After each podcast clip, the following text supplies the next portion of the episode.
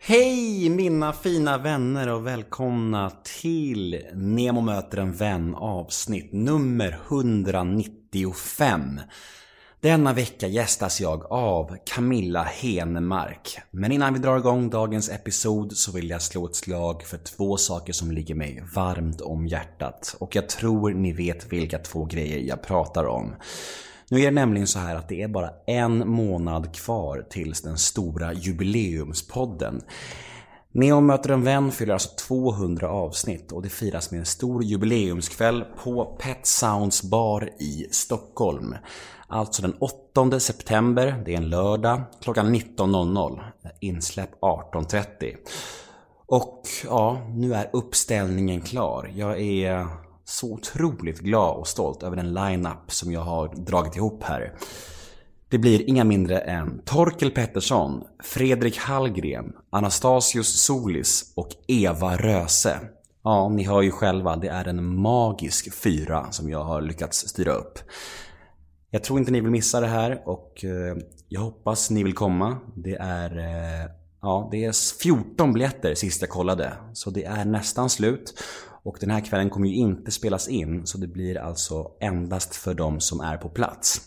För mina trognaste lyssnare helt enkelt. Så om ni vill ta del av den här exklusiva jubileumskvällen så gå in på biletto.se och sök på Neo möter en vän där. Då kommer biljetter upp. Och gör det redan ikväll om ni vill säkra er plats för ja, de är snart slut som sagt. Hoppas vi ses. Och den andra grejen är såklart min självbiografi som nu finns att boka på www.bokus.com. Och det enda ni behöver göra är att söka på mitt namn där helt enkelt. Och om ni lägger er beställning redan nu, då får ni boken först av alla när den släpps i slutet på oktober. Och inte nog med det, ni får den även signerad av mig och kanske med en liten personlig hälsning från mig också. Hur låter det? Ja, ganska bra tycker jag. Så gå in på bokus.com och sök på mitt namn och lägg er beställning nu på en gång. Och gör mig väldigt, väldigt glad. För det kommer jag bli. Jag kommer bli otroligt glad och tacksam om ni köper min bok. Men nog om det här då. Nu är det dags för dagens poddavsnitt och det är ingen mindre än Camilla Henemark. Och eh, ja, få svenska kändisar har ju levt ett lika innehållsrikt och galet liv som Camilla Henemark. Och eh, jag tror faktiskt det räcker med att säga så. Hon behöver ingen närmare presentation. Eh, jag låter helt enkelt avsnittet tala för sig själv. Jag heter Nemo Hedén på Twitter och Instagram och hashtaggen är NEMOMÖTER. Gå gärna in på Facebook och gilla oss där. Nemo möter en vän heter vi där.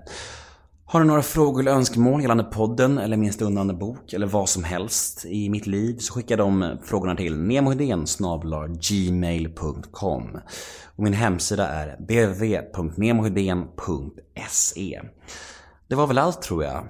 Ja, Podden presenteras precis som vanligt av Radio Play såklart och klipps av den fantastiska Daniel Eggemannen Ekberg. Men nog om mig. Dags för Neo möter en vän avsnitt nummer 195. Gäst Camilla Henemark. Rulla gingen. Nemo är en kändis, den största som vi har. Nu ska han snacka med en kändis och göra honom glad. Yeah, det är Nemo är en kändis, kändis. den största som vi har. Nu ska han snacka med en kändis och göra honom glad. Yeah. Vi kör igång. Okej. Nemo möter en vän med Camilla Henemark. La Camilla. La Camilla. Hej. The one and only. Ja, hej! Hej. Hur mår du? Åh, nu mår jag bra. Mm. Alla mina behov är tillfredsställda. Berätta om dina Just behov. idag mår jag bra. Det är mitt favorituttryck, även om jag inte är Hammarbyare. Vad är dina behov? Mina behov är mat, sömn, sex, lugn och ro. Eller sex, drugs och rock'n'roll. Nej, det är det inte längre. Jag börjar bli gammal. Ja, men det har varit en del sånt. Ja, långa skogspromenader. Hela livet. Oskuldsfull. Never ever. Ain't gonna happen. vad, vad gör du om dagarna just nu? Hur, hur ser livet ut just nu? Just nu, ja. Nu sitter vi här i den här eh, stekheta sommaren 2018. Och eh, jag har inte gjort så mycket. Man gör inte så många knop i värmen. Det bara är så. Och de planer jag hade i våras jag väl inte riktigt blivit som jag har tänkt mig. Men det är sånt som händer i livet. Och då får man på något sätt starta om motorerna. Nej, jag vill säga att jag gör inte ett skit helt enkelt, med andra ord. Vad var det för planer du hade i våras som gick i stöpet? Eh, ja, hur ska jag förklara det? Vet du, det spelar ingen roll. Det är ju historia nu. Okej. Det kommer säkert i nästa delen av mina memoarer. Men just nu så är jag footloose and fancy free. Ja, det är ju fördelen med att skriva memoarer mitt i livet. Då kan man skriva en till när man är lite äldre. Alltså, det är underbart att du säger mitt i livet. Jag var faktiskt över 50 när jag skrev mina memoarer. Ja, men jag menar alltså, du kanske blir 80, 90, vem vet det? Ja, tänkte kanske det. Vad heter det? Vi har faktiskt redan eh, kommit överens om att det finns vissa gemensamma nämnare mellan oss. Det finns Har vi lite... kopplingar? Ja, men det är ju kul för jag brukar alltid ha det i min podd. Jag brukar försöka, försöka hitta de här trådarna. Och ofta så är det med mina gäster, man kan hitta så lite som en, som en, som trädrötter. Det går ihop någonstans liksom så här. Vad du egentligen säger är att Stockholm är en jävla ankdamm. Så är det.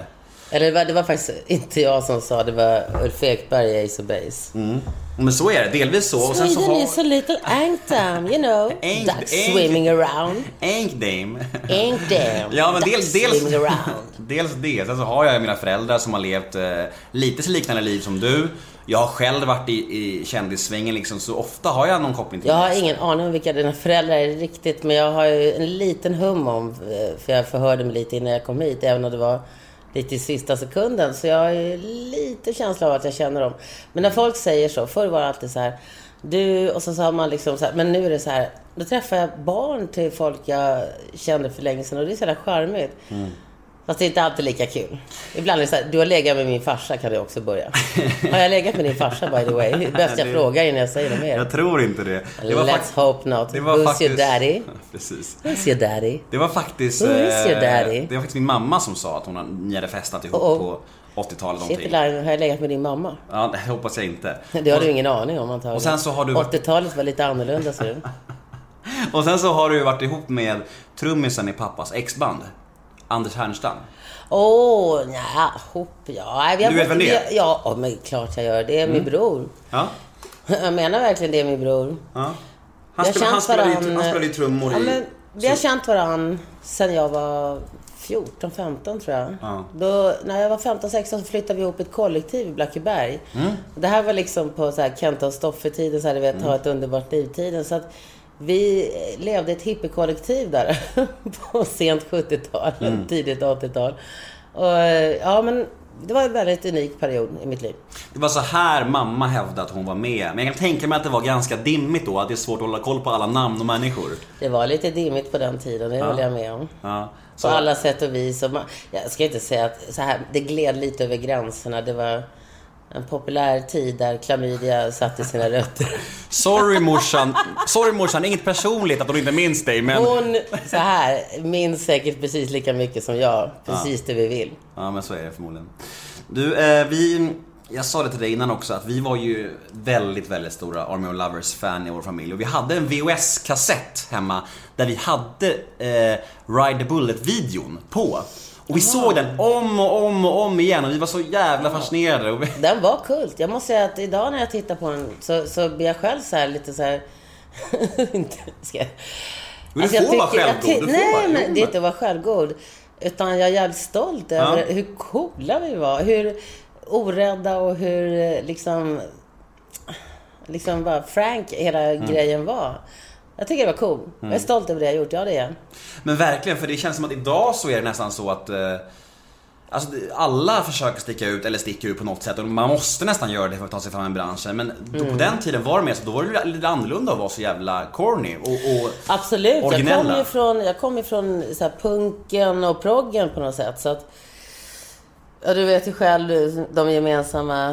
Det var ju liksom alltså, att bryta mot det och göra den här glamgrejen blev ju liksom väldigt udda brytning. Men det var ju, för mig var det att vara punk. För någonstans så blev den här proggen jävligt mainstream och förutsägbar och tråkig. Och vill jag, som jag fortfarande var rebell, så var det jätteviktigt för mig att skapa liksom eh, någon slags ifrågasättande och rebelliskt. Och det blev för mig ett utlopp som jag fick eh, genom Army of Lovers. För att det var så här, jag bröt mot de gamla normer jag hade levt i, i prog och punkvärlden. Så jag inser idag det att det egentligen var det punk vi gjorde. Men eller hur? Och, men alltså... Ja, men precis. Det, men det Bryta jävla- normer. Ja, men precis. Och, men jag jag är så nyfiken på, hur, hur träffades du och Alexander och Jean-Pierre Barda? Hur blev Mm. ni liksom ett gäng? Eh, det började faktiskt med att eh, jag sjöng i ett band som, eller körade rättare sagt i ett band och hade varit med och spelat in en skiva med Percussion Allstar som ingick av en massa gamla prog och pung från, ja, jag behöver inte dra den historien. Eh, sen när vi var tillbaka i Stockholm efter att ha varit uppe i Silence, en studio uppe i Värmland, så kände jag bara, oh my god, jag är så trött på alla de här präktiga proggen nu va. Så då gick vi på Ritz, ett ställe som var där, och där stod det en transvestit och sjöng i en dildo som hette Barbie. Med peruk och allt, och mimade dessutom. Och då kände jag bara, oh my God, jag vill bara dra av med den här liksom, svarta kostymen och hoppa in i den här glitter och glamouren och ge mig hän. Och det var precis vad jag gjorde. Jag gick bara backstage och sa, jag gör vad som helst. Jag liksom dammar dina skor bara jag får vara en del av dig. Barbie. Och det var Alexander Bard. Är det sant? Ja, och då, då jobbade Jean-Pierre som frisör, så jag kände till honom. Och den som gjorde Barbies image var Camilla Thulin. Så att jag hade kopplingar, jag, menar, jag smet inte in mot våld där bak. Utan det blev liksom, han sa bara direkt, japp, du ska vara med. Efter vi hade gjort några tv-program och lite historia fram, spola fram, så var det så att MTV skulle starta. Och då fick Ola Håkansson, som var en stor person inom musik på den tiden, eh, en ja, idé om att vi skulle presentera ett band i Sverige som var lite annorlunda. Och då nappade folk i London och så blev det att vi satte ihop ett band som egentligen då bestod av lite nyinspelningar utav Barbie-låtar och lite covers och lite annat. Men också några nyskrivna saker. Och så uppträdde vi. Fick en hit först i England. MTV spelade oss dygnet runt. Helt plötsligt på ett och ett halvt år så var vi världsstjärnor. Men var det en instant success liksom? Var det direkt? Instant kan man säga ja. Ja. När vi gick över och blev Army of Lovers så var det instant success, det måste jag säga. Mm. Vad hette ni innan? Nej, alltså vi hette ju Barbie. Jag var ju bara bakgrund... Jag och Jean-Pierre var bakgrundsdansare till Aha. Barbie. Det finns så mycket roliga saker att hitta på nätet när det gäller det. Jag måste kolla på det sen ikväll. Ja, säga en som jag vill verkligen tipsa om, som jag nästan hade glömt att vi gjorde. When the night is cold. Som handlade faktiskt om eh, HIV-aids som just då, tidigt 80-tal, började spridas runt om. Och vi gjorde väldigt mycket politiska saker i början. Minns du den här, alltså den här känslan av att genomslag? Alltså att ni bara liksom blev så jävla stora på en gång. Vad hände Så det, med er? gick så, det gick så fruktansvärt fort så att vi hann inte. Vi, alltså, vi slets åt alla håll och, och det blev väldigt svårt. Och man, man känner inte... Det, var, det går inte att förklara en sån sak när, när det blåser runt och man far runt som en... Man visste inte ens vilket land man var i. Man, det sliter väldigt mycket internt naturligtvis Mm. också. Ja, jag säger att jag, det var svårt för mig. Det var Vad- svårt vad- för oss alla. Vad var svårast med det?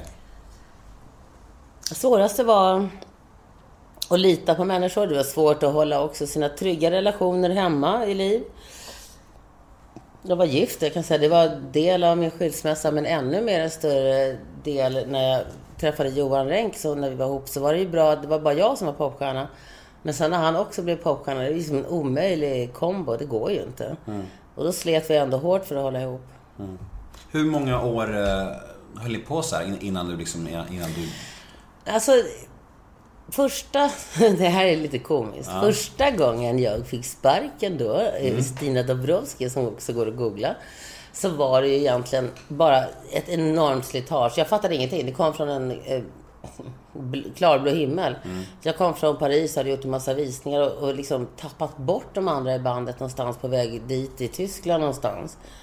Och eh, Helt plötsligt så, så fick jag sparken, för det går ju liksom inte riktigt. Så det blev, hade kunnat blivit en lång process rättsligt om inte jag bara hade lagt ner handduken och sagt Okej, skitsamma, jag klarar mig själv. Jag gjorde Leila K, jag bara drog mig iväg.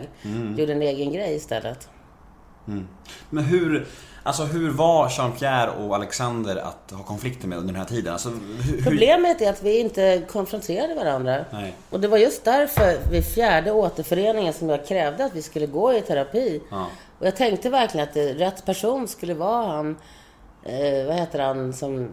Kändisterapeuten? Ja, exakt. Ja, jag vet vad du menar, men jag kommer, jag kommer inte på namnet. alltså, jag är namndyslektiker utan like. Jag är hopplös namndyslektiker. Får lägga några underskylt på den. sen. Men vi vet vem det är i alla fall. Ja. Vi vet, ja, men- och, och jag tänkte, han har också spelat i band, så jag tänkte han fattar grejen. Men det var ju, för att ta emot terapi måste man ju gå dit, man måste ju närvara. Och det var ingen som gjorde, så att det gick i stöpet. Men- Och så gick Mellon som det gick, precis som det alltid. Så vi gjorde, när vi, 99 när vi fick våran Give My Life eh, andra, så jag var ju borta då mellan 93 till 96 och sen till eh, 2000 och sen 2013 och däremellan verkar liksom inte finnas några med Lavis, jag vet inte. ja, alltså ni gjorde ju... Men de försvinner bara, de pratar inte med mig. Jag Ja. skrämmer dem antagligen. Ja. Men ja, ni gjorde ju en comeback igen då i Mello för några år sedan. Ja, det var ju helt Vad fan Vilken- hände? Vet du vilken blåsning det var? Alltså, Alltså- det var på riktigt. Det är den största blåsning man någonsin har varit med om. Jag har ju fått reda på i efterhand att de spelar in videos och grejer. Det, det, jag fattade när jag fick en bild ifrån en kapptjej där hon hade tagit sminktester. Och jag bara förstod inte, var, varför känner inte jag till om den här videoinspelningen? Varför datumet vi hade för att spela en video till den här låten som vi var med man, det, menar, det ingår när man gör en melodifestivallåt. Det är bara allt det där liksom, alla, höll mig, alla gick bakom min rygg. Och min dåvarande flickvän, Amanda, sa Camilla, hon är sån här som, vet, sociala medier. Hon, hon surfade igenom eh, alltihopa och hade koll på grejerna. Hon sa, Camilla, de kommer att blåsa dig. Sa hon till mig dagen innan. Men, Men det, jag fattade inte. Samma sekund som vi klev av scenen och satte oss i green room. Där någonstans kände jag att, oh my God, någonting är fel. Sen dess har jag inte pratat med någon av dem. Och de svarar inte när jag hör av mig. Alltså, det är så lång näsa så det är inte klokt. Jag vet inte hur man kan leva med sig själv när man gör såna grejer. Det är ju, det är ju sick. Det är ju fan psykopat. Head over to Hulu this March, where our new shows and movies will keep you streaming all month long. Catch the award winning movie Poor Things, starring Emma Stone, Mark Ruffalo, and Willem Dafoe. Check out the new documentary, Freaknik The Wildest Party Never Told, about the iconic Atlanta Street Party. And don't miss FX's Shogun, a reimagining of the epic tale, starring Anna Sawai. So, what are you waiting for? Go stream something new on Hulu.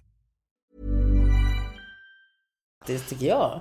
men har det alltid varit sådär när ni har brutit upp och återförenats? Nej. Att, att, att, liksom, att det är de som bara huvudet i sanden liksom? Ja, alltså rinner inte ut i sanden. De bara ger mig fucking big slap och så drar de. De förklarar inte ens. Vill inte ens ha kontakt. Vi skulle behöva mer än vanlig terapi. Fucking Dr. Phil, bring it on. Eller ännu bättre, vad heter han den här andra doktorn? Men vad Alltså, har... Vad nå- har Någonting är väldigt stört i den här sjuka familjen. ja. Men vad har konflikterna handlat om främst genom åren? Ingenting! Nej. Du vet inte ens? Nej! Har du någonsin fått svaret på det? Det finns Nej. inget Det är svar. därför jag frågar dig. Nej, vet du hur många journalister som har försökt... Så, jag vet inte om du kollar den här dokumentären, eh, Hitlåtens historia. De ägnar ju liksom på SVT en massa resurser åt att försöka komma till skott om vad handlar detta om? Mm-mm. De intervjuar folk över hela världen. Nobody gets it. Inte jag heller. Jag kan inte förklara. Och hur är relationen med Bard idag? Den är Men död. hur ska jag kunna ha en relation med en människa som absolut inte svarar på någonting? Det är noll, alltså. Nu pratar vi ghosta på en nivå av eh, en helt annan planet. Ja. Fan, det är ju lite märkligt alltså. Alltså, det är väldigt bisarrt och märkligt, men samtidigt så förvånar det mig inte ett dugg efter 25 år. Jag känns som att jag varit med om det här förr, typ var tionde år. Orsaken till att de lurar mig varje gång, det är ju för att det blir tydligen ingen skiva utan. Nej. Men menar, visst... han skulle i princip kunna betala och sälja en skiva själv, men det verkar ju inte fungera hur många band han än kommer på. Men eh, Det är respektlöst mot fansen, tycker jag. Det, absolut. Eh, Men det var väl, Dominika tog ju efter dig. Eh, Och har de haft ännu en sångerska? Det var. Men. Mikaela tog Mikael- efter mig. Ja, precis. Mikaela Delacour, Delacour Delacour, tog efter och sen mig. Dominika Sen Persinski. kom Dominika Så det finns tre, Persinski. alltså? Sen kom jag tillbaka och då var Dominika kvar. Ah, och sen så försvann Dominika och sen var det jag och nu är det Dominika. Jag vet inte vad det är längre. Och din relation med de kvinnorna, hur är den? Ja, men Alltså, Dominika och jag och Miss Inga Martin. Vi har ju haft ett fantastiskt band som jag tyvärr då la på is eftersom göra den här Melodifestivalen som jag trodde skulle bli en sån här typ parentes med en återförening som gjorde att fansen blev glada och nöjda. Sen hade jag gärna velat se en kärleksturné med Kärleksarmén tillsammans med Happy Hose. Men hur underbart hade det inte varit det? Det hade varit fantastiskt. Det hade varit helt underbart att dra. Och då hade jag gärna velat haft med alla som haft någonting med Army Lovers att göra. Precis alla skulle vara med i den kärleksturnén. Det är fortfarande min dröm. Då, det är ju som Alcazar gör nu. Ja. de tog med allihopa, alla fem. That's love. Ja. Och vet du, till och med Alcazar kan vara med på ett hörn i den här turnén eftersom Alexander Bard var med om att starta Alcazar också. Var det? Ja, Är det sant? riktigt. Du ser. Men vet du var det, alltså när du var liten och så, och när du växte upp, var det musik som var liksom din dröm? Var det det du ville hålla på med eller? Eh, nej, alltså jag hade väldigt dåligt självförtroende för jag har alltid haft sån mörk röst. Jag har alltid känt att eh, höga C har inte varit min grej. Va? Så jag trodde att, alltså, jag vet att jag inte är tondöv. För att jag gav mig själv, om, jag var så här klassens clown, så jag gav mig själv omöjliga uppgifter. Men jag höll ju mig till mer cabaret-stilen. Jag hade Liza Minnelli, Manhattan Transfer som idoler. Och, och framför allt så, eh, för att ta svenska förebilder, så hade jag ju eh, Alltså allt ifrån eh, Mosebacke monarki, de här gamla svenska kupletterna. Jag kunde dem utan till Och förstås Sara Leander. That's the queen of it all. Men vad tänkte du liksom om livet? Vad ville du bli? Vad hade du så här? Ja, "Ja, men jag ska bli-" sångerska vill jag inte bli. Jag vill inte, jag, skådespelare var ju det jag utbildade mig till på Mm. Kulturdramas teaterlinje som direkt efter nian. Så att jag, det var väl tanken att jag skulle bli, men det var inte så himla lätt att vara med latt på liksom, sent 70-tal i eh, skådespel. Det fanns inte så många roller att få om man säger så. Och eh, det är en helt annan sak idag. Men eh, jag vet inte. Jag har nog aldrig tänkt sådär att det här vill jag bli. Jo, det har jag faktiskt. Några gånger. När jag var riktigt liten så svarade jag på frågan riktigt ärligt. Och än idag kan jag känna att det är mitt slutgiltiga mål, men det låter så himla absurt. Eh, Stort och drömmande. Men andlig ledare svarade jag när jag var så här tre, fyra år på en intervju. I något barnprogram jag var med. Och sen har jag tänkt på det i efterhand. Det kanske är det jag vill. Jag, blir, jag känner ibland ett behov av att förstå och lära mig. Det kan ha att göra med min Asperger lite grann. Att jag är nyfiken på människor för att själv förstå mig på. Och jag börjar bli så pass gammal så jag samlar på en enorm erfarenhet utav människors mänskliga beteende. Jag älskar ju alla de här Housewives och reality-serierna. Även om det är fullständigt omöjligt för mig när jag är i reality-serie. Alltså, det är inte konstigt att jag blir mobbad. Jag är så jävla lost. Jag har fan Asperger. Det är som gjort för att hamna utanför. Men jag ser en fascination i det och jag vill säga att jag faktiskt har en god kunskap om mänskligt beteende som jag känner att jag kan göra något kul av. Dela med mig av. När jag mötte dig här ute, så jag fick ändå, jag hade en känsla om att jag skulle möta någon sån här eh, ganska melankolisk och mörk och liksom så här en- mörk energi på något sätt. För, för det man läser Det är sant. För när man läser och hör om dig så är det ju oftast, alltså no offense, men det är depression, det är missbruk, det är, du vet, det är ganska mörka rubriker ofta. Och eh, därför så blev jag ganska förvånad och överraskad när du ändå liksom är, var så pass glad. Nej, nej, nej, nej. Det är ett missförstånd. Jag är bara absolutely fabulous 24-7, whatever happens. Sa hon och korkade upp ett glas rött. Exakt. Ja, ja men, det, men det är det jag menar, för jag tänkte ju så här. att, Är det så här en, en offentlig persona du slår på? För det känns ändå som du har en liten annan approach nu än när vi snackade innan. Det känns som att du har, du slår på någonting, eller? Du, ordet approach. Det finns tre bokstäver i som jag absolut skriver under. P-R-O. Och då menar jag inte jag pensionärs, utan pro. Ja, I'm a pro. jag känner det. I'm a fucking damn pro. Det vore konstigt om jag inte hade lärt mig någonting. Sen om jag gör rätt eller inte, om jag väljer rätt eller fel väg. Nej, för det mesta så sätter jag mig i konflikter för att jag inte kan hålla käften. Det är sant. Men that's my approach. That's my approach. Men jag vill ju att du ska vara... change. Jag vill att du ska vara helt avskalad och... och Hur vill du att jag ska vara? jag vill att du ska vara som du var på eh, indiska restaurangen innan. Du ska vara helt naken. Ja, men det är nästan. Det är så varmt här inne. Ja. Vi får, se om jag kan veckla upp dig allt eftersom. Men jag förstår vad du menar. Har man gjort mycket intervjuer och har varit liksom med i gamet länge, då har man nog automatiskt något man slår på liksom, när, det, är- när, när det gäller. Liksom. Ja, men det är klart att man har eh, en offentlig persona som man... Jag var en av de första som i intervjuer pratade om och folk började nästan kalla mig schizofren. Men jag sa nej, nej, nej. La Camilla är en person och Camilla Henemark är en annan person. Och det är helt sant, men det har inte så mycket att göra med att jag känner... Jag har alltid haft en... Eh, jag ska säga... Eh, eh, ja, vad ska jag säga? En... Inte professionell, men service rapa jag bara för att det tvingar mig att ta ett glas klunk. Men okej, så här. Jag vill tvingar säga- inte Nej, det gjorde Försök jag. inte. Nej, det gjorde du inte. Det gjorde han inte. Han Nej. tvingade inte mig Nej. alls. Det var jag själv som inte kunde låta bli att göra en skruv av den. Nej, men så här. Eh, man har ju en roll som eh, för att man vill förmedla en sak. Alltså det är professionellt och för de flesta som går till en arbetsplats. Om du sitter i, luckan på ett tunnelbane eller eh, kör, då har du ju liksom en yrkesroll. Yrkesrollen eh, måste du kunna separera från din privata sida lite grann. För att i den privata sidan ska vara styrd utav andra saker. Den professionella rollen måste vara styrd utav det folk förväntar sig utav dig.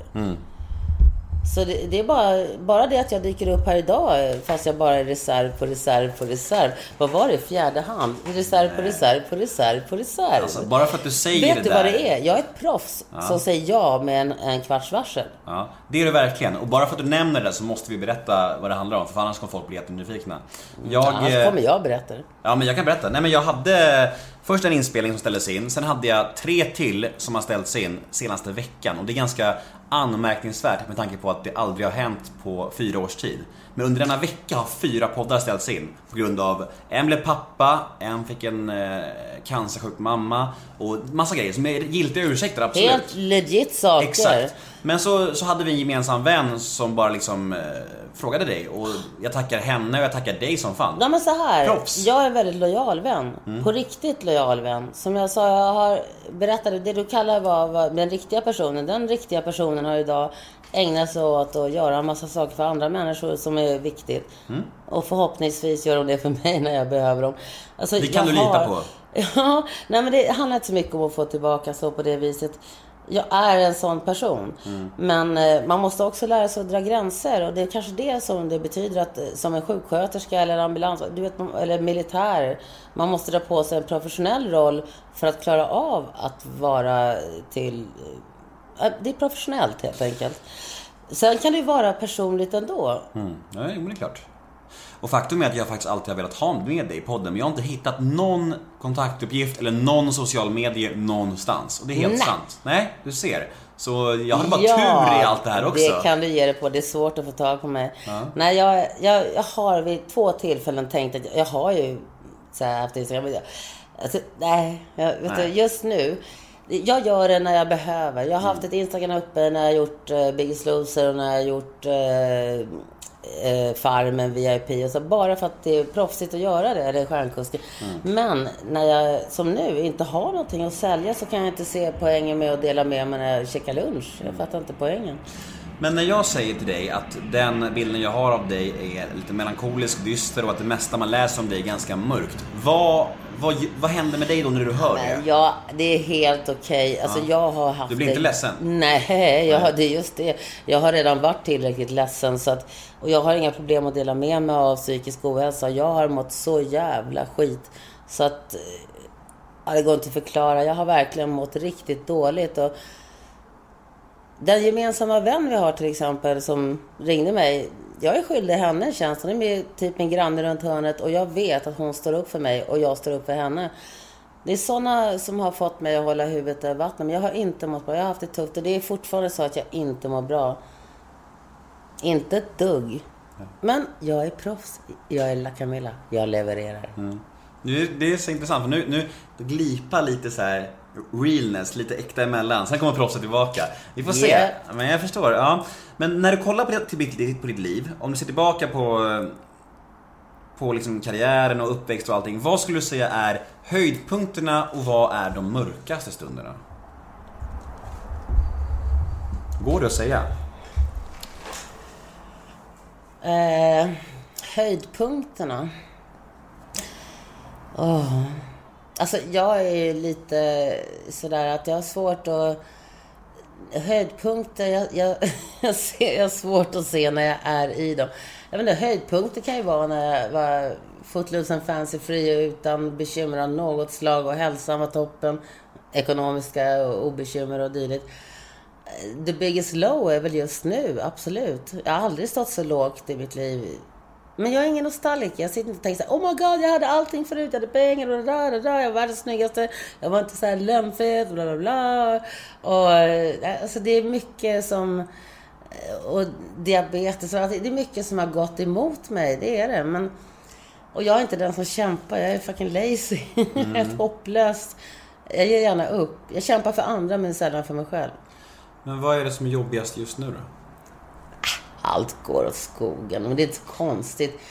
Jag är besviken på min egen eh, förmåga. Men det kanske jag inte ska vara. För att folk som känner mig säger att det ska jag inte vara. Det är inte det som är problemet. Jag är nästan det du säger. Jag är besviken på att jag har blivit bitter. Men det kanske bara är menopaus. Who knows? kanske är så medel. Det är så... Jag klimakteriet för fan! Ja. I'm absolutely fabulous! Ja. Jag känner mig som en galen housewife från New York. Det är så här, I'm Ramona! I hate you! Ja, men det är så konstigt för, för Nej. du sitter ändå lite så här, lite ler och sen så pratar de om att du är på det lowest low så det blir så här. Men seriously mannen, du är snygg. Jag ler bara för att det är underbart att titta in i ditt ansikte. Du är väldigt snäll som säger så, men jag, jag vet inte. Jag, Du jag, vet att du är snygg. Äh, Tycker du det? Enjoy it. Ja. Enjoy it Ja, while, tack. while you have it. Ja, precis. Because Ja, one day it will be gone. precis. Mm. Var den nya Sibylla börjar gå eller? God. Alltså, critics are calling it sensational. One beef burger, one brioche bread, two slices of cheese, roasted onions, and five pieces of bacon. Working Hallå? Yes, one with only one mission. Alltså, Taste Jag undrar this. bara om den var god. Va? Epic. Prova Epic Cheese and Bacon, en 150 grams burgare med extra allt. Nu även med tryffelsmak. Välkommen till Sibylla. Ha det gott! Välkommen till Däckteam! Nya däck. Oh. här! Rätt däck! Och där! Snyggt! Ha! Ja! Där satt den! Easy peasy! Mindre ljud och mer körglädje. Välj tysta däck från Goodyear. Däckteam, vet vilka däck du behöver.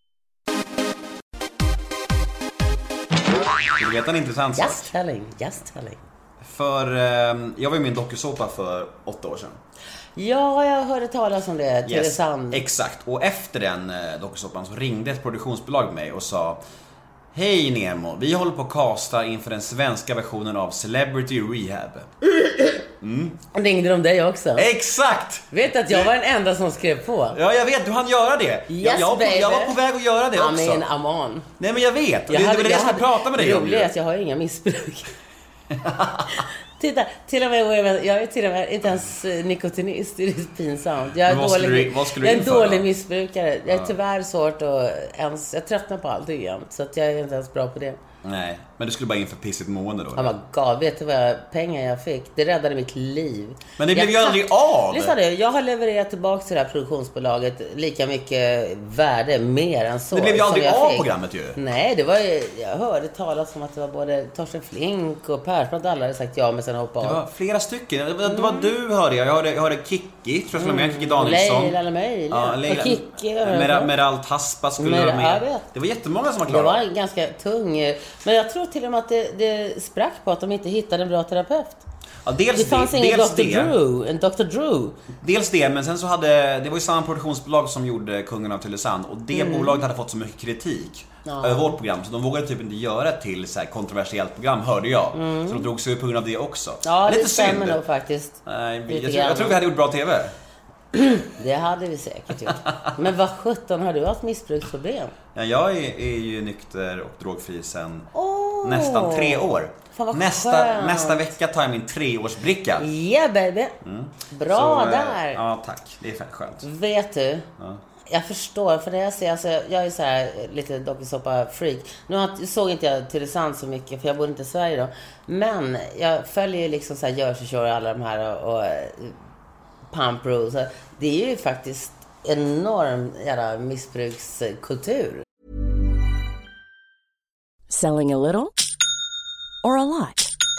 Shopify helps you do your thing however you cha-ching. Shopify is the global commerce platform that helps you sell at every stage of your business. From the launch your online shop stage to the first real life store stage, all the way to the did we just hit a million orders stage. Shopify is there to help you grow. Shopify helps you turn browsers into buyers with the internet's best converting checkout. 36% better on average compared to other leading commerce platforms because businesses that grow grow with Shopify. Get a $1 per month trial period at shopify.com slash work. shopify.com slash work. Och Ja, de det är- fångar upp folk som hänger på gränsen i detta, som fortfarande är roliga. Men det är inte kul i längden. Nej precis, och just det där med att de fångar upp de trasigaste själarna och, och gör Mm. pengar på det. Och det jag, Mm. jag har ju skrivit en självbiografi precis. Ja. Och den släpps i höst. Vad spännande. Eh, Ja, jo men det, den är precis klar och, och ett, ett kapitel handlar just om det där. eh, Mm. Produktionsbolagens ansvar i en sån grej. Hur cyniskt det är att ta med de trasigaste människorna och göra province på det och så här. Ja. Och, det, och de ska få sin känga kan jag säga. Det förtjänar de. Alltså, det är, de- balanserar väldigt lätt på eh, både missbruk, psykisk Mm. ohälsa och allting. Det är gränsfall till vad man kallar det för lyteskomik. Och då menar jag inte jag bara någon som är efterbliven, utan folk som har ett missbruk och psykisk ohälsa i allmänhet. Jag tycker att det är omoraliskt, jag tycker att det är cyniskt och jag tycker att det är ansvarslö- med. ansvarslöst. Jag håller med. Mm. Eh, nästa grej som jag har heter sex snabba. Det går ut på att jag säger sex småfrågor bara och du svarar bara lite snabbt. Eh, första, dyraste ägodel. Dyraste ägodel? Jag äger inga värdefulla saker. Jag har blivit rånad på allting. jag sant? har inga... Nej. Alltså, på riktigt. Alla mina smycken och allting. När Mm. jag var sjuk och lämnade ansvaret åt folk som skulle hjälpa mig så stal de allting jag hade. Jag saknar inte det så mycket. Jag, jag, livet är tillbaka, det är viktigare. Mm. Men jag äger nog inte någonting som är värt mer än 2 eller 3 tusen max. Mm. Vad missbrukar du? Mjukisdjur. Vad gör du när, och och, och dokusåpor. vad gör du när ingen ser? Onanerar. Vidrigaste du gjort mot en annan människa? Det finns en sak som jag aldrig kan komma över i mitt liv. Det var jag spottade min mamma i ansiktet. Det var det värsta jag gjort. Jag var 13 år. Än idag så knyter det sig i magen när jag tänker på det. Jag vet inte om det var det vidrigaste jag har gjort mot en annan människa. Utan det var det för mig, och det är väldigt egoistiskt. För mig var en känsla av att det var det värsta jag kunde ha gjort. Och även om hon säger att äsch, så, så för mig är det det värsta jag känner att jag har gjort. Men om jag säger det värsta jag gjort mot en annan människa som inte jag själv kanske bryr mig om, det är väl att bestraffa dem som förtjänar. Och där är jag inte ens nådig. Jag kan säga att jag har gjort hemska saker mot folk som förtjänar eller som jag måste eliminera. Jag är inte... Jag är ingen snäll tjej när det finns folk som behöver bestraffas. Det är jag inte. Nej. Jag, jag är väldigt mycket rätt, för rättvisa där. Med all rätt kanske? Jag tycker att det borde finnas fler med lite civilkurage. Bra. Det tycker jag håller med. Tack. Eh, bästa kändiskompis? Bästa kändiskompis. Nej men jag menar, men vilken Eller hur jag kändis... ska stå närmast. Nej, precis. Vilken, vilken offentlig person som folk vet, vet vem det är, eh, har du en relation med? Är, det, är du kompis med kan du säga? Jag är kompis med flera stycken. Och det skiftar ibland lite grann. Men om man säger så här. En som jag ofta träffar oftast Mm. just nu. Som egentligen inte är bara min kompis. Han är mer min granne. Men som jag träffar lite sådär kompisaktigt Mm. om man säger så. Fast på lösa volymer. Det är faktiskt Måns Ivarsson. Mhm. En kille som jag var musikjournalist under 80-90 som jag avskydde rent utav på den tiden. Men som jag idag har stor respekt för som vän. Sen tycker vi inte lika om någonting. Men det är också det som är en del av vänskap. Vad ska du rösta på i höst? Nu kanske inte han är så känd. Nej, det är okej. Är det fortfarande så? Jag älskar Ellen Bergström i och för sig. Ja, Ellen. vi, vi älskar alla Ellen. Alla älskar Ja, Ellen! hon är fin. Eh, vad ska du rösta på i höst? Är det fortfarande sossarna som gäller eller? Eh, jag ska rösta på Socialdemokraterna. 100% säker på den saken i Mm. höst. Nej, jag ska rösta lite annorlunda i kommunalval beroende på vad jag ser att de driver för frågor. Jag sätter mig in i allting så att eh, det är saker som kommer att avgöra lite. Men jag har ganska klart för mig. Men i riksdagsvalet så är det ingen tvekan för mig. Jag känner att eh, stabiliteten i Socialdemokraternas politik vill jag gärna fortsätta se fungera utan behöva ha en massa onödiga samarbeten med idioter. Bra. Tack för att du medverkade i Sex snabba. Tack. Nu går vi vidare. Eh, Sex snabba är omöjligt för mig. Ja, jag märkte det. Eh, Snabb sex är också ganska tråkigt. Eller ibland kul. Ibland kan man inte rå för det, jag är ledsen. Nej, ibland är snabbis kul. Ibland är snabbis kul. Du, vad har du för relation till alkohol idag? Och var ärlig nu, nu sitter du med ett glas Du, jag är alltid ärlig. Ja, men nu ett glas Men rött. Jag- ett glas rött i handen nu och du har pratat om Själv- missbruk tidigare. Jajamensan. så jag jag vill har ändå... aldrig någonsin varit oärlig. Nej. Någonsin när det gäller alkohol. För alkohol är ju inte riktigt min drog egentligen. Nej. Utan Vad är din drog jag, då? Så här, om du känner mig, vilket du vet, om du har gemensamma vänner som känner mig, ska du veta att jag har nästan aldrig alkohol hemma. För, eller vad jag än är. Jag är en social alkoholist. Jag är Mm. verkligen en soci... Alltså, jag, eh, det tror jag har lite med min diagnos att göra också, min ADHD Asperger. För att jag har svårt att umgås med folk utan alkohol. Jag har jättesvårt att göra det. Sen när, har jag tyvärr använt alkohol som eh, självmedicinering. Men eh, sen jag har lärt mig lite mer om mig själv de senaste fem så har jag lärt mig att det funkar inte och det finns bättre mediciner till det. Så att eh, min, ja, säger så här, det händer att jag blir full, men nej, jag har inga alkoholproblem. Och jag, jag går ju också ständigt i... eh, här, jag har ju blivit utredd två gånger för just alkoholism och beroende. Och jag har ju inte det. Alla har inte det problemet. Det är just därför som idag, som jag säger, jag hjälpte en kompis att lägga in för, för just missbruk. Därför att jag kan sluta, jag kan börja lite som jag vill och det är en lyx att kunna göra det. Sen kan jag ju säga att jag är en högkonsument. Jag är lite sådär... eh, Som, och det, det betalar sig inte efter 50, det kan jag säga. Jag var tvungen att vara vit ett år efter det, för det var ju jobbigt för 17 att inse att levern inte orkar med allt. Men nej, jag känner inte att alkohol är mitt bekymmer. Däremot är alkohol inte lämpligt för mig på grund av min diagnos. Nej. Vilken diagnos syftar du på? Men ja, men jag vet inte vilken av dem. säga. ADHD, Asperger kombinationen som jag har är ju inte lämpad för att dricka alkohol i en större mängd. Absolut not. Men när, när... Du har varit nykter en längre period tidigare va? När, hur, hur Ja, men jag ser det inte som att jag har varit nykter. Jag har, ser det som att jag inte dricker alkohol under perioder. Ja. Hur lång tid var det som längst? Jag tror det här fokuseringen på att vara nykter, det är någonting som hör till alkoholister. Eh, För oss som inte har den typen av alkoholism, utan är högkonsumenter som eventuellt kan börja få problem och ta till flyktvägen alkohol ibland. För oss är det ju en sak man styr fortfarande över själv. Så jag ser aldrig, jag har aldrig sett mig som att nu ska jag vara nykter. Men om vi säger så här. När var jag... Nej, jo, två gånger förra året. Det var fem veckor i Biggest Loser. Eh, och eh, var det tre, fyra veckor i eh, Farmen. Men det är inte ett problem. Nej. Inte någonstans ett problem. För jag hade gärna tagit en sup på farmen. Det var så jävla fucking hungrigt och bår. Jag fattar varför de söp ner i Smålandsskogarna på 1800-talet. När, när pinande vindar, man vill inte vara med och alla krämpor man får, då tar man sig en sup. Kaloska. Men vad är skillnaden mellan att, att dricka som högkonsument som du säger att du är nu och självmedicinera? Alltså det är ungefär skillnaden mellan att ha en ätstörning och vara en gourmet. Ja. Och gourmand. ja. Typ Edvard Blom. Ja, Edvard Blom är ett bra exempel på. Jag är en Edvard Blom. Ja, och det gäller både sex, mat och sprit och anything else. Uh, inga jämför, jämförelser i övrigt. I övrigt så kommer jag alltså ut som. Edvard Blom om inte annat. Okej. Eh, Jag har svårt att begränsa mig. Det, det, hör, det jag säger, vad jag menar med att det hör ihop med mina diagnoser, det är att jag har svårt att säga nej. men när du har Jag har pratat... jättesvårt att säga nej till Men du har ju pratat tidigare om missbruk ganska mycket i intervjuer. Och vad, Ja. har, har det varit om droger då främst?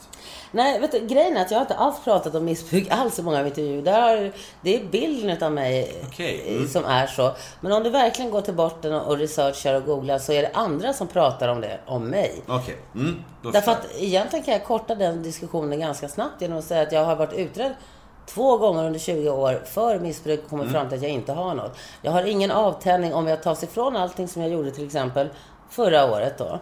Utan någonting, både i fem veckor är där, okej, I'm a little bit pissed off if I don't get my champagne.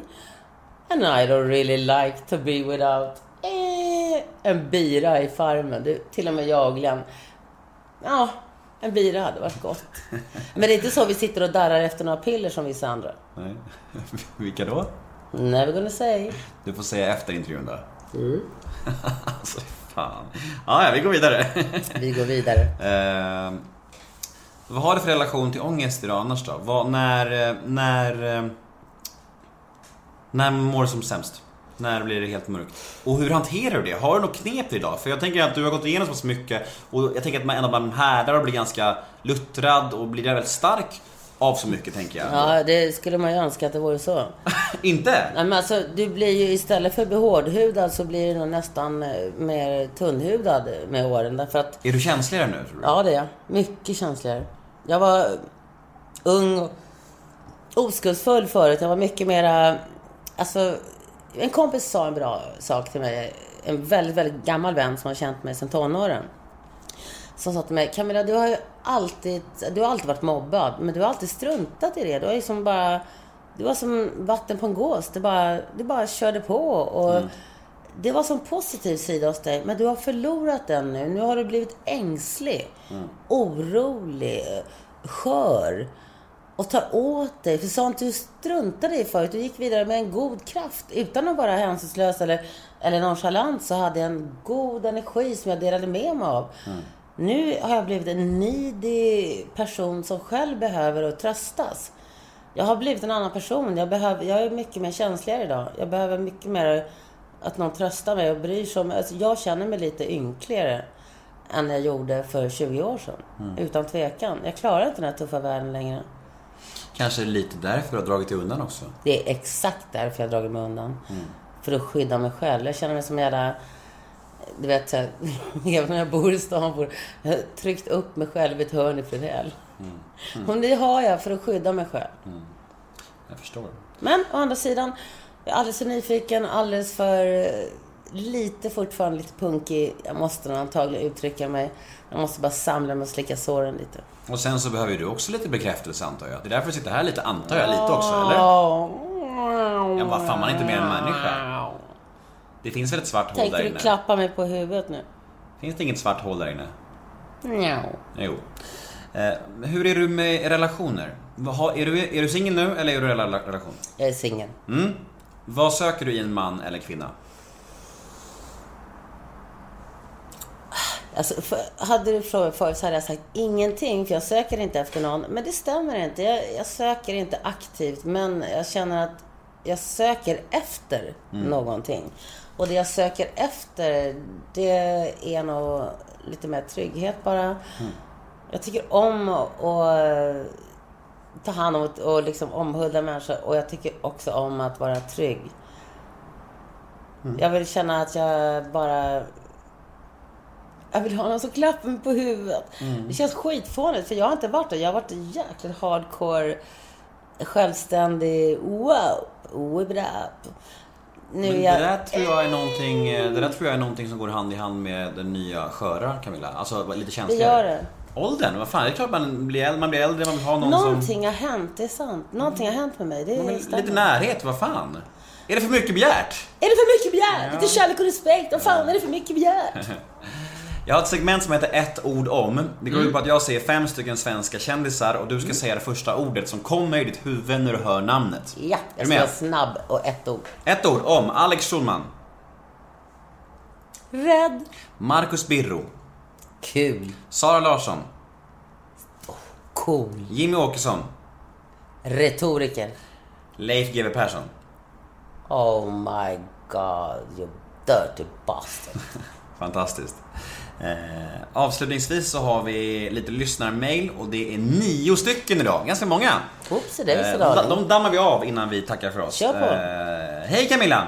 Kan inte du berätta lite om dina diagnoser? Hur många diagnoser har du? Medicinerar du? Och hur tar de sig uttryck? Mm. Jag ska dra det lite snabbt. Jag har ADHD som jag blev diagnostiserad eh, någon gång i början av 2000-talet eh, faktiskt.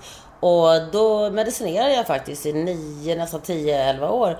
Men jag slutade för några år sedan eh, därför att jag kände att jag saknade en del av mig själv. Men kanske borde för resten av omvärldens skull börja medicinera för ADHD. Men sen gjorde jag om utredningen och ytterligare en utredning och fick Asperger. Och vilket jag först inte tyckte om men som jag nu har läst på lite grann. Och Asperger gör att jag måste studera lite mera om hur jag fungerar för att fungera med andra människor. Jag kämpar med det och jag tycker fortfarande att folk, jag, jag känner att jag behöver folkbilda folk lite. För det finns så många delar av det här Asperger. Jag tror att vi måste börja se att det finns olika nyanser utav den här autismen. Och jag har också börjat lära mig lite om HSP. Så att jag vill inte fastställa de här diagnoserna utan jag förväntar mig att kunna se över dem efter att lärt mig lite mer om dem. I Och jag rekommenderar alla att eh, faktiskt söka lite grann mera om just det. Om man känner att man har någonting som inte stämmer. Därför att man lär man sig om det så blir man mycket tryggare och omvärlden kommer också gilla en mycket mer för att man är mer medveten. Är Asperger Sjukdomsinsikt är och... Ja, ja, det är ju fan... Det är, Det är ingen sjukdom by the way. Jag vet inte. Ja, Funktionsvariation som Ja. vi säger idag. Kalla det vad du vill. Mhm. Men är Asperger och autism samma sak? Asperger är en eh, form utav autism på autismspektrat som det heter. HSP, för folk som inte vet, Är, är, ju... inte på det. Nej, men det är highly sensitive person. Och det har jag också kikat en del på. Och jag har, jag tror fan att... Jag har tänkt att jag är det ofta, för jag är så extremt, extremt känslig alltså. Mm. På ett sjukligt sätt har jag ofta känt. Jag har, ja, men det är inte sjukligt sagt, men överdrivet. Du, du känner av mycket. Alltså grejen är att jag faktiskt börjat plugga in lite grann, inte bara på svenska, vilket jag rekommenderar gärna, HSP-podden med Leverby Klar. Eh, Men det finns många andra också, om man kan engelska, att söka på. För att det här är någonting som är ganska nytt, att, eh, ka, ny kategori. Det är inte så att saken är ny i sig, utan man kanske kan skilja ifrån en del som får felaktiga diagnoser. För det här är inte en diagnos, Nej. utan det här är ett, eh, ett drag som vissa människor har, som också finns en grund till. Eh, rent eh, mänskligt, att vi hade, de hade den här högkänsligheten för att känna av faror eh, och empati, överdriven empati för saker. Och, och den här saken, när man ser det redan hos barn så kan man ju faktiskt göra de här barnen tryggare genom att, att eh, få dem att känna, att förstå att det är okej. Andra känner inte lika mycket som dig. Och om du tycker det här blåser, kallt eller känns eller och du bryr dig om vad som hände med det här trädet du gick förbi. Alltså jag, jag kan ju relatera, men jag tror att jag kanske inte har HSP utan Asperger då, men jag går förbi ett äppelträd på vägen hit. Då fastnar jag ju där och måste prata med hon som står där som berättar att det är hon som har räddat det här äppelträdet för 20 år sedan. Där fastnar en överkänslig person också i att varför Selling a little or a lot? Shopify helps you do your thing however you cha-ching. Shopify is the global commerce platform that helps you sell at every stage of your business. From the launch your online shop stage to the first real life store stage, all the way to the did we just hit a million orders stage. Shopify is there to help you grow. Shopify helps you turn browsers into buyers with the internet's best converting checkout. 36% better on average compared to other leading commerce platforms because businesses that grow grow with Shopify. Get a $1 per month trial period at Shopify.com slash work. Shopify.com slash work. varför inte bara gå vidare och skita allt? Ja. En bra fråga.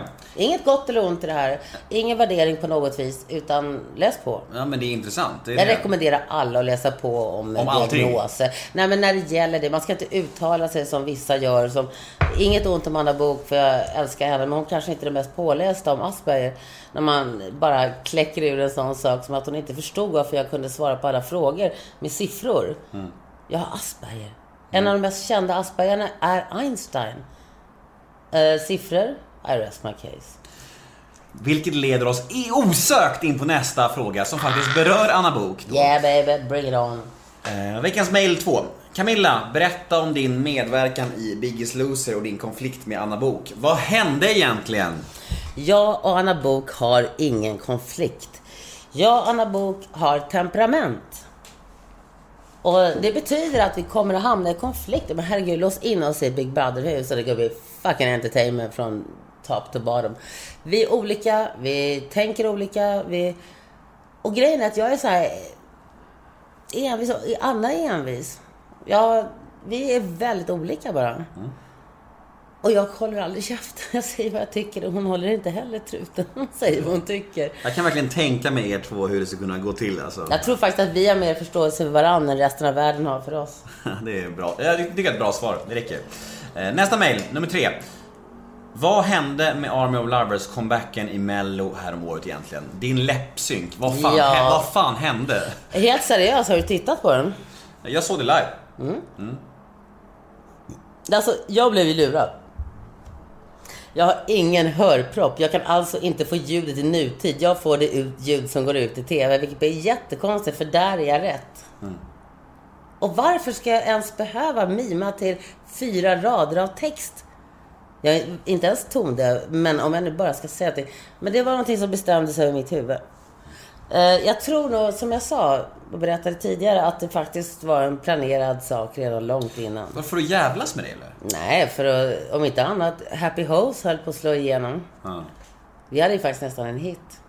Spelar du musik i ditt program? Nej, men jag kan göra. Fan vad tråkigt. Kan vi inte spela lite Happy House? Jo. Just to be happy. Finns det på YouTube? Yes it does. Släng in lite Happy House här då. Let's... Don't try to steal my line now. This is La Camilla. Spanking Miss Inga. Inga. Going out tonight to my favorite place. Strapped my gorgeous stuff. You can't get enough. You wanna be like me, but baby, can't you see? You're always second best, never stand a test. You can bask in all my glory, but you can never be divine. I'm sorry. Don't try to steal my line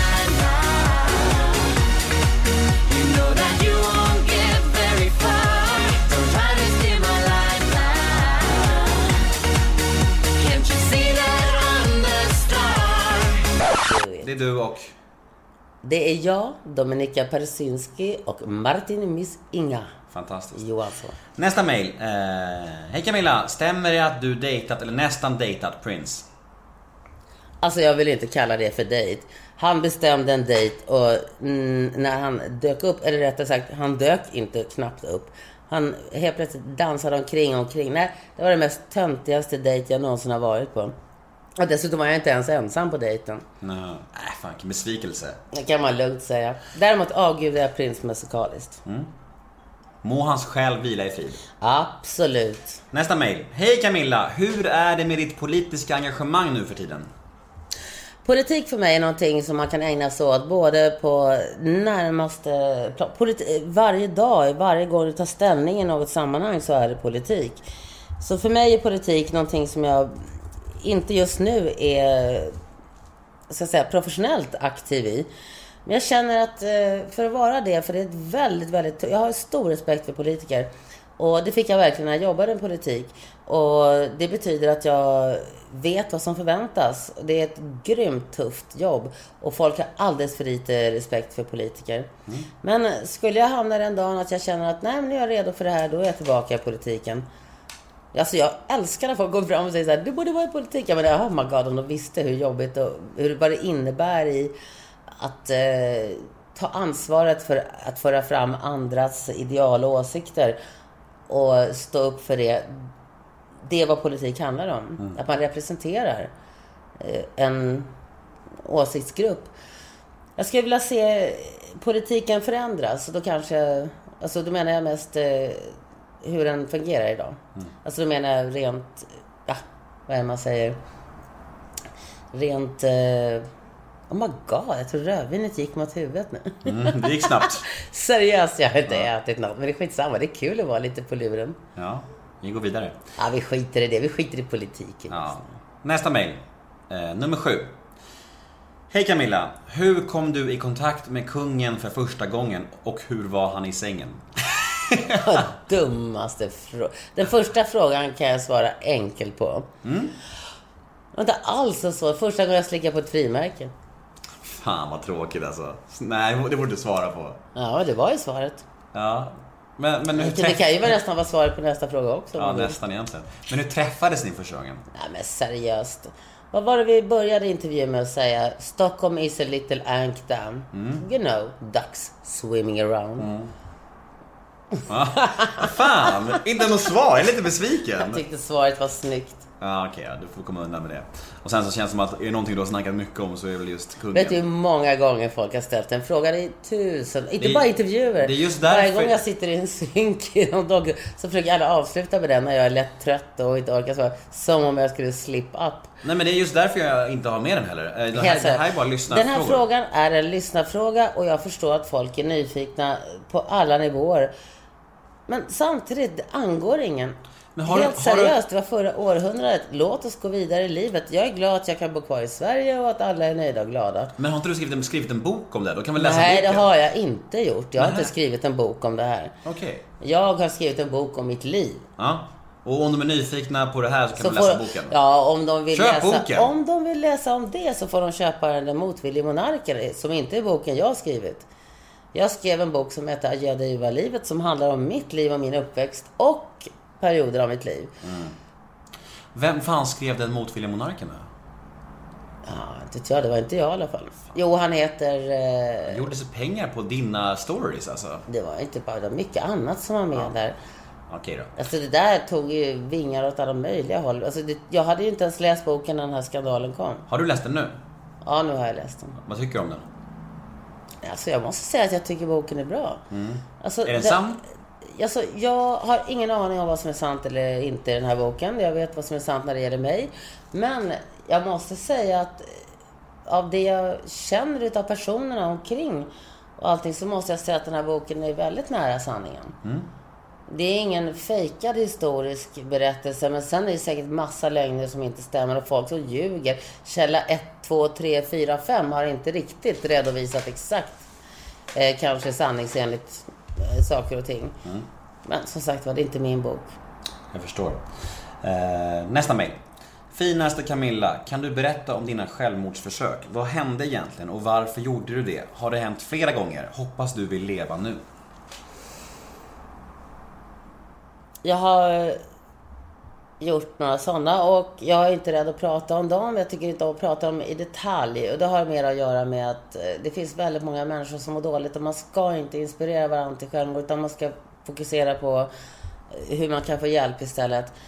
Jag var ju med när vi startade Suicide Zero och jag vet hur viktigt eh, det här är. Sen gick jag ur lite grann Suicide Zero därför att jag mådde inte bra under en period tidigt 2010. Och jag kände att, eller 2012 efter Melodifestivalen var det egentligen. Då kände jag att nej, jag, jag har ju ett problem med depressioner mellan varven och då måste man ta på allvar. Och jag vill inte vara en föregångsfigur för någonting som där någon tar livet av sig. För jag har redan varit med om det en gång tidigare när jag jobbade med en annan eh, förening. Där en person som vi hade tryckt en broschyr av tog livet av sig. Så vi fick slänga massa hundratals, tusentals broschyrer. Jag, eh, tills jag känner mig stabil så håller jag mig ifrån att vara med i den debatten. Vem... Eh, Jag lovar ingenting. nej, jag förstår. Men vem var den här broschyrmänniskan? Vem var det? Ja, det måste jag ju ta off the record.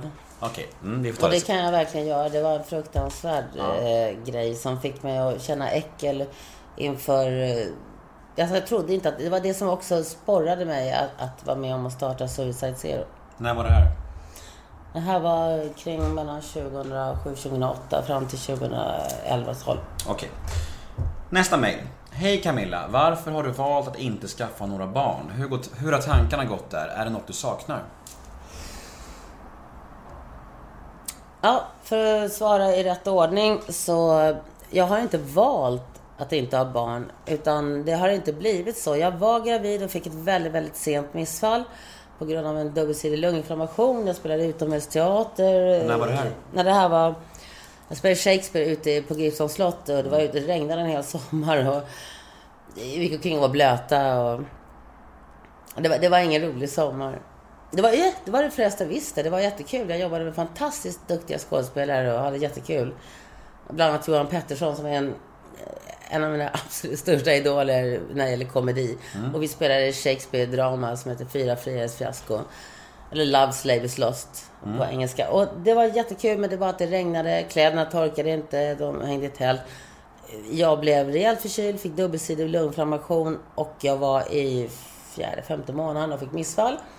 Min dåvarande pojkvän, som jag då var förlovad med, Johan Renck, han var på turné som stackabo och jag själv höll på med det här.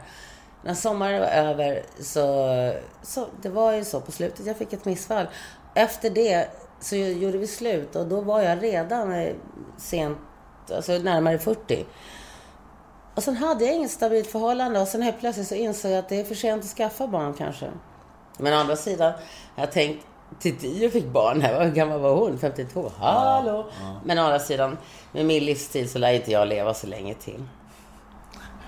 Men är det, är det en... eh, Jag, jag sitter här och Jag fnissar. det- saknar barn. Ja, det var frågan. Är det, Ja, å det andra känns- sidan när jag träffade din dotter, jättegullig i fem minuter. Sen började hon bajsa, Ja. skrika.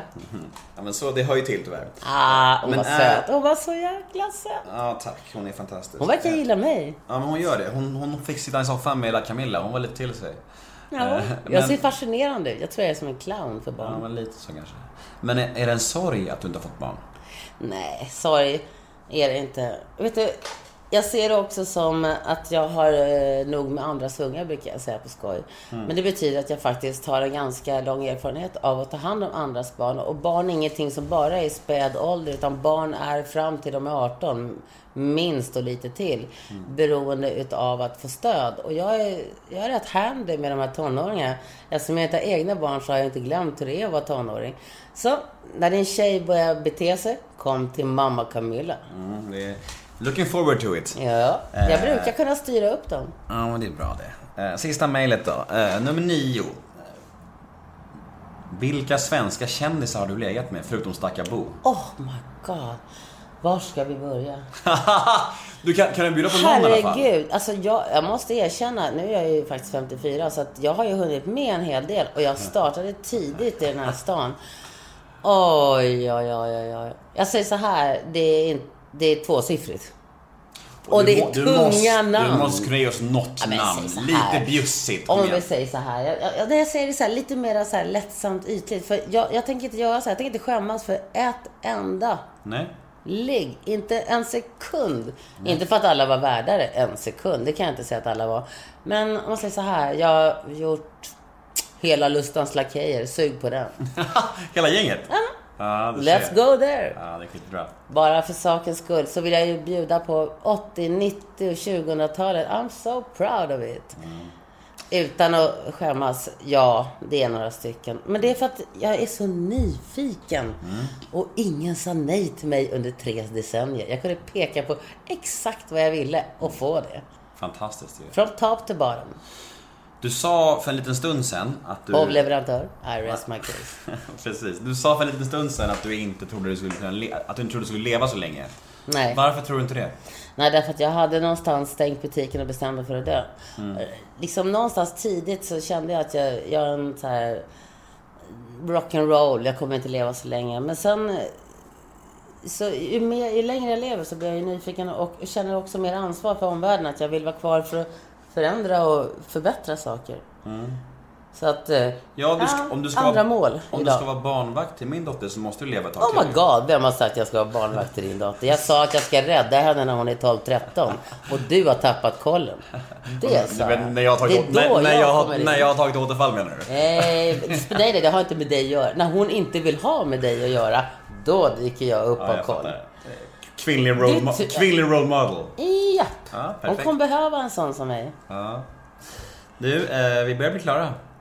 Hur känns det? Och det känns jättebra. Men jag skulle vilja ge dig ett gott råd. Ja. Fall inte dit igen. Nej. Gör inte det. Om du känner att du har lätt för att göra det och att det inte är bra för dig.